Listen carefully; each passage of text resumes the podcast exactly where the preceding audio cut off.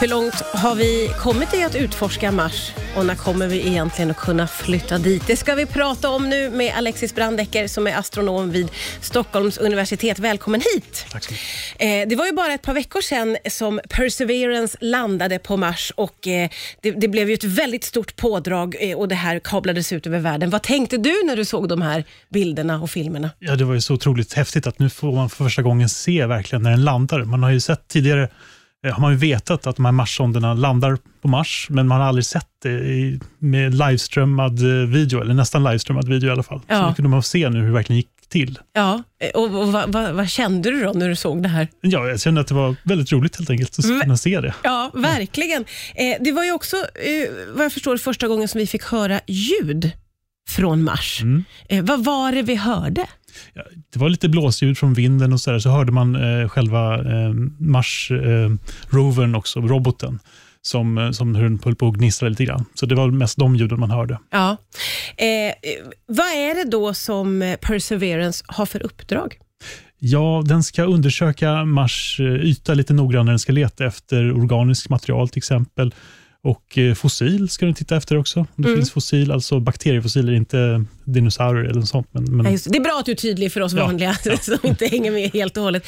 Eh, men det är inte första eh, gången vi skickar dit någonting. Vad, vad har man kunnat utforska innan på Mars? ja, det man tidigare varit intresserad av är lite mer generellt vad det är för typ av kemi som finns på Mars yta och framförallt om det finns vatten där till exempel. Och nu vet vi att det finns fullt av vatten på Mars faktiskt. Det är bara att den är under ytan, inte på ytan och lite i atmosfären och så. Så nu vet man det. Nu är man- redo att ta, nästa steg, att leta efter liv eller resterna av liv helt enkelt. Ja. Eh, och, vad är det man hoppas på att hitta här nu då? Ja, man vet ju inte riktigt vad man, vad man hittar. Men hittar man några nå rester av liv så vore det helt eh, fantastiskt förstås. Så det Perseverance ska göra dessutom, förutom att eh, direkt titta på ytan, är att den ska ta borrprover. Den, ska, den har med sig en liten borr som den tar prover och idén då att de här proverna sen ska samlas upp med en, en framtida mission och skickas tillbaka till jorden för analys i jord i laboratorier. Så Ja, det är okej. också väldigt spännande, men det är lite mer långsiktigt. Det Ja. kanske tar tio år eller sånt. Oj, och det är så pass. Ja. Eh, Men hur länge är det tänkt att Perseverance ska jobba på Mars nu då? Ja, så länge, så länge den kan. Eh, eh, vi har ju fortfarande Curiosity som har varit ett par år eh, på, på Mars yta och Perseverance kan säkert fungera lika lång tid. Ja. Och, och hur fungerar den rent praktiskt? Eh, Styr, hur styrs den? Och varför gör den som den gör?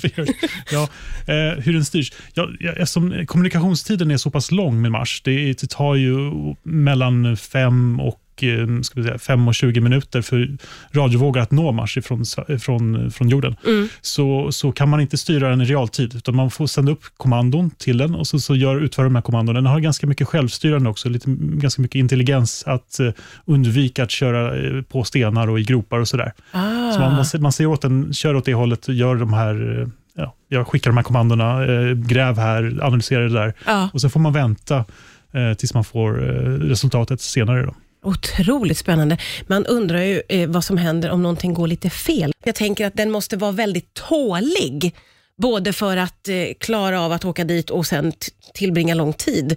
V, vad är den, hur är den gjord?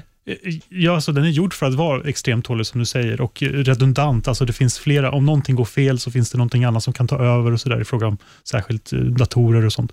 För att som du säger, det finns ju, om om någonting går fel, då är det inte så mycket man kan göra åt det när den är på Mars. Man kan inte skicka dit någon mekaniker eller så. Utan det, man har den här chansen att, och eh, det är bäst att det funkar. Ja, just det. Eh, och vad går den på, så att säga?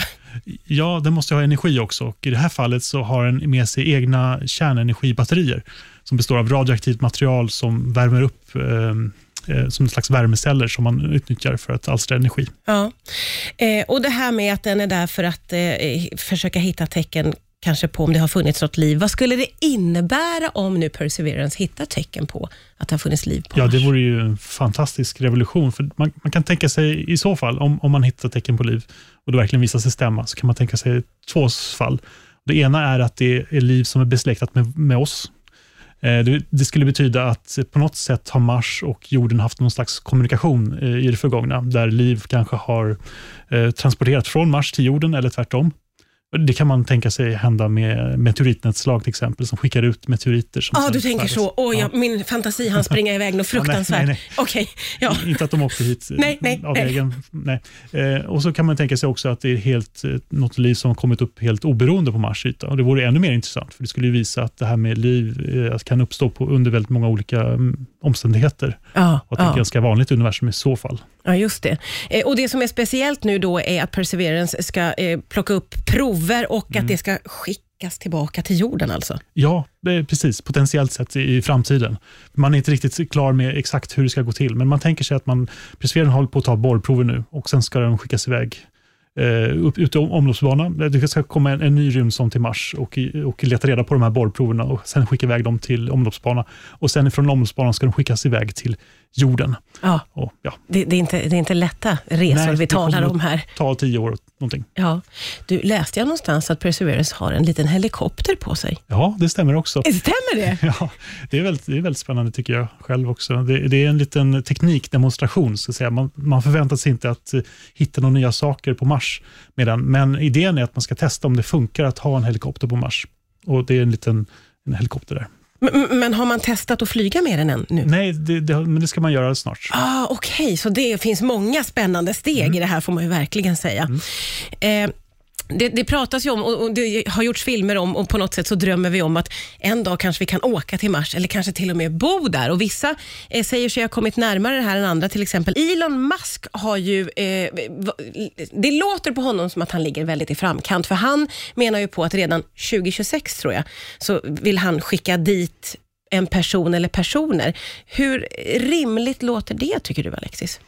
Alltså, Elon Musk är ju väldigt optimistisk av sig tror jag. Ja, Och väldigt. Jag, jag skulle inte satsa några pengar på att han kommer åka dit 2026 på något sätt. Utan det kommer nog ta lite längre tid. Men det är klart, han har ju väl den målsättningen. Han vill gärna göra det. Ja, och han menar ju på att han vill bygga en, en stad. Alltså, att, Eh, ja, ja, eller någon ska bygga en stad i alla fall. Ja. Han kan transportera dit dem. Men ja, det får vi se hur det går. Jag, jag är lite skeptisk. Du är lite skeptisk. Ja, Vad krävs för att man ska kunna, vi behöver inte säga bo, men vara på, Ma- på Mars då? ja, till att börja med krävs det att man har en viss eh, speciell mentalitet. Eh, om man tycker att den här pandemin var jobbig med isolering och sådär, så är det ingenting emot vad det skulle bli att bo på Mars. Eh, Även om, om, man, eh, om, man, om man kan kommunicera med jorden, så den kommunikation kommer inte vara som att kommunicera med Skype eller Zoom eller sådär, för att eh, avstånden är så stora att radiosignalerna tar, kanske från det att du säger någonting till att du får svar, tar mellan 10 minuter när Mars är som närmast jorden till eh, 50 minuter när Mars är som längst ifrån jorden. Så att det tar väldigt lång tid eh, att prata med någon. Det blir mer som att man skickar videogram eller så. Ja. Man blir väldigt isolerad. Ja. Sen finns det förstås andra utmaningar med att bo på Mars. Vad kan det vara? Ja, till exempel man ska ju ha gott om vatten, man ska ju ha mm, atmosfär att andas och så vidare. Så att man kommer nog inte man kommer inte kunna gå ut och andas eh, Mars atmosfär, för den är alldeles för tunn. Så det måste man liksom eh, konstruera själv Ja, då i måste så man bära fall? med sig rymddräkter eller att man har någon slags inomhusklimat förstås. Och, och är det rimligt att tro att vi kommer att kunna göra det? Ja, det tror jag. Det är tekniska utmaningar, men det tror jag man kan lösa. Mm. Och, men vad pratar vi då för liksom tids... Ja, det beror alldeles på hur mycket man satsar på det. Om man, om man får tro på, på Elon så är det klart, eh, då kanske det är möjligt att göra inom tio år, men jag skulle nog tro att det tar lite längre tid än så till och med. Ja, eh, men, men sa, vem jobbar han med? Samarbetar Elon Musk med någon som... Ja, alltså hans företag har ju, eh, de är finansierade delvis av NASA till att utveckla sina projekt. Mm. Men, men eh, just det här med Marsresor är nog mest hans egen idé. Ja, ja, ja. Eh, Men om den möjligheten dök upp här då, inom, låt oss säga 20 år, skulle du ta chansen att åka dit?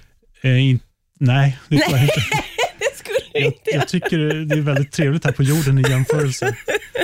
Du vill stanna kvar och observera från håll. Ja, alltså medeltemperatur på Mars är minus 60 grader. Det är lite kallt. Ja, det är lite kallt. Det är inte mycket som verkar gästvänligt alls Nej, på den här planeten får man säga. Men, men väldigt mycket spännande eh, att se fram emot vad gäller Perseverance eh, får man ju slå fast ändå.